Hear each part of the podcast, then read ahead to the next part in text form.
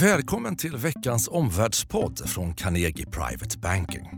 Torsdag 12 april, klockan är 10.51. Geopolitik fortsätter sätta agendan på marknaden, det har gjort den här veckan. Eh, tuffare tomgångar mellan Kina och USA, samtidigt som handlarna håller andan när USAs relation med Ryssland är kyligare än på mycket länge och situationen kring Syrien eskalerar.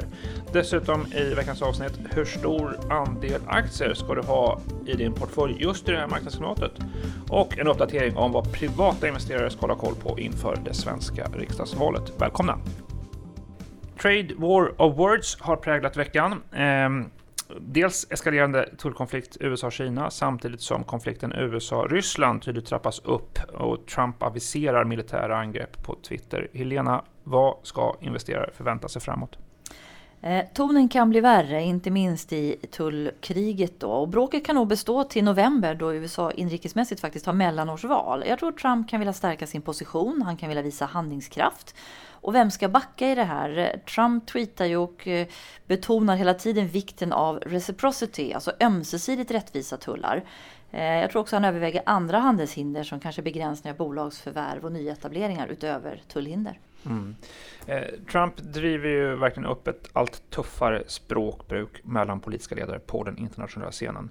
Finns det något positivt i det du ser nu? De talar fortfarande med varandra. Samtalen har inte brutit samman, det tycker jag kan man se som positivt. Eh, Kinas ledare Xi höll ett tal häromdagen och det bibehöll en öppen ton som han hela tiden har haft. Eh, sen tycker jag en positiv faktor som har drunknat lite i all den här oron, det var faktiskt att Nordkorea i helgen sa att de är villiga att diskutera en, en kärnvapennedrustning. Det kanske inte alls vad de avser gå med på, men det ökar i alla fall sannolikheten för att det kan komma till stånd ett toppmöte mellan USA och Nordkorea. Och det kanske skulle kunna mildra tullkonflikten. Mm. Det är bortglömt.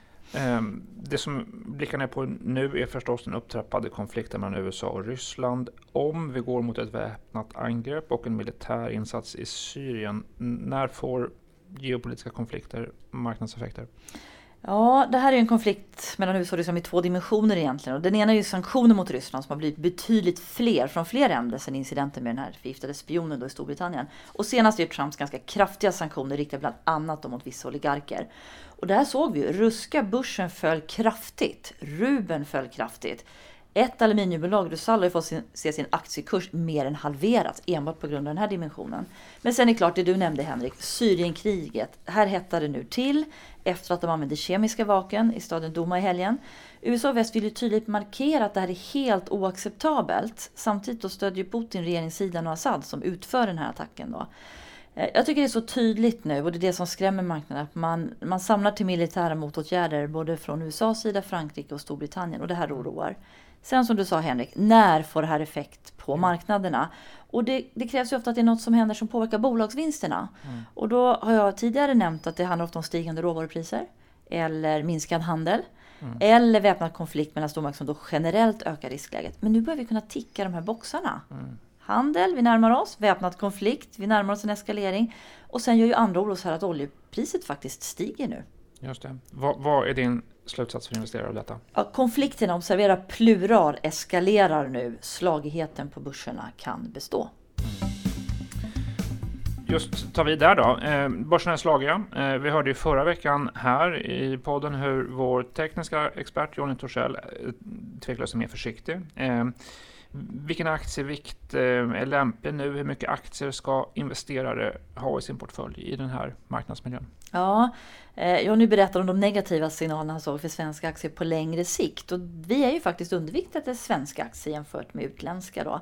Eh, sen är vi glada att han inte ser samma oroande signaler på den amerikanska marknaden. Då. Mm. Teknisk analys det är en del i vår modell för hur vi når fram till vår aktuella aktievikt som just nu är neutral. Mm. Vi tittar på mycket funda fundamentala faktorer. Och det är klart att vi ser de här negativa då som vi har nämnt. Upptrappade tullhot, geopolitiska konflikter. Man kan addera också techsektorns roll som ledarsektor ifrågasatts. Och räntestödet blir något mindre då när den här lätta penningpolitiken fasas ut, främst i USA. Det där var de negativa faktorerna som har fått volatiliteten att återvända eller kanske normaliseras. Eh, ibland dramatiseras det, sägs att börsen hoppar som en påskhare. Vilka motverkande positiva faktorer ser du? Ja, det har ju skett en rekyl nu. Världsindex har ju faktiskt fallit över 10% sedan toppen i början på året. Det ska man inte glömma bort. Värderingen har ju då kommit ner. Nu har vi ett P tal på 15 på världsindex. Det är ungefär i linje med det historiska snittet.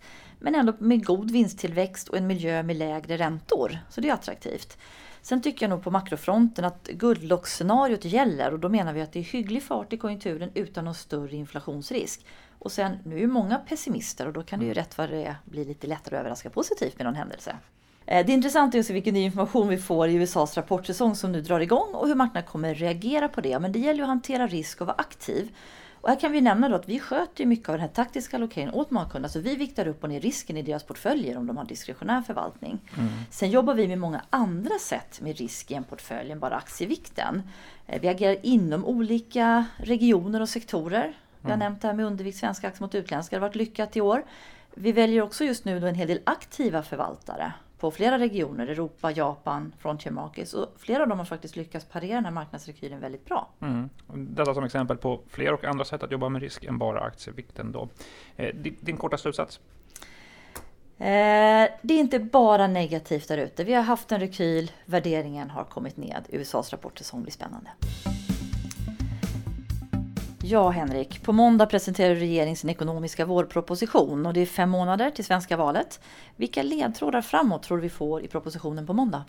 Det är sannolikt det sista större och viktigare dokumentet från den här regeringen. Eh, det är sannolikt inte marknadspåverkande direkt. Jag tycker det är viktigt att spana efter utfästelser framåt.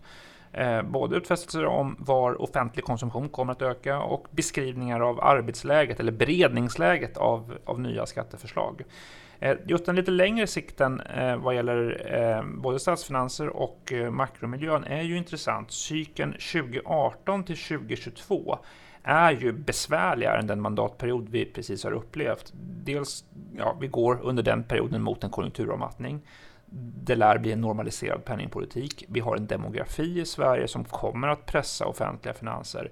Dessutom ska nyanlända ut på både bomarknad och arbetsmarknad. Så regeringens bedömningar av de utmaningarna är intressant att eh, notera. Vi gillar ju alltid att blicka framåt och bredda blicken Henrik. Om vi tittar bortanför vårpropositionen, vilka besked ska investerarna titta efter då? Ja, ett axplock med tre saker eller tre besked eh, från olika sidor eh, att eh, hålla blicken på. Eh, för det första, det ser ut som att regeringen pratar upp efterfrågan på eh, nya kapitalskatter. De beskriver allt tydligare och de tar fram ny statistik som visar på det som då beskrivs som en skev fördelning av kapitalvinster. Det där har ett syfte att beskriva ett problem eh, som ska öka efterfrågan på en åtgärd och den åtgärden kan vara en ny kapitalskatt eller en eh, möjligen då begränsad höjning av redan befintliga kapitalskatter. Eh, vi ska inte överraskas om Socialdemokraterna presenterar sådana förslag, inte nu på måndag tror jag, eh, men kanske på första maj, eh, kanske i Almedalsveckan i sommar eh, eller möjligen i valprogrammet efter sommaren då.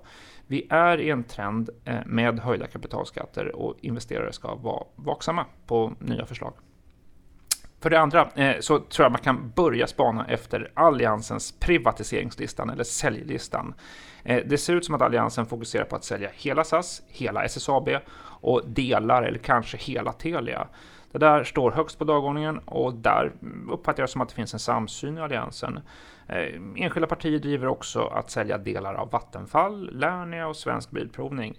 Socialdemokraterna säger ju nej till allt detta. Eh, SD står i den här frågan, i privatiseringsfrågan, nära S och är tveksamma till att sälja bolag som ja, de motiverar med ett nationellt intresse då, mm. tveksamma till exempelvis Telia. Och för det tredje, apropå SD, håll koll på deras mm. väljarflöden här nu. Eh, det tror jag spelar roll framåt. Vilka väljare vill de vinna nu? Eh, vinner de LO-väljare? Ja, då kan det spela roll i deras mer ideologiska vägval och regeringsfrågan framåt. Mm.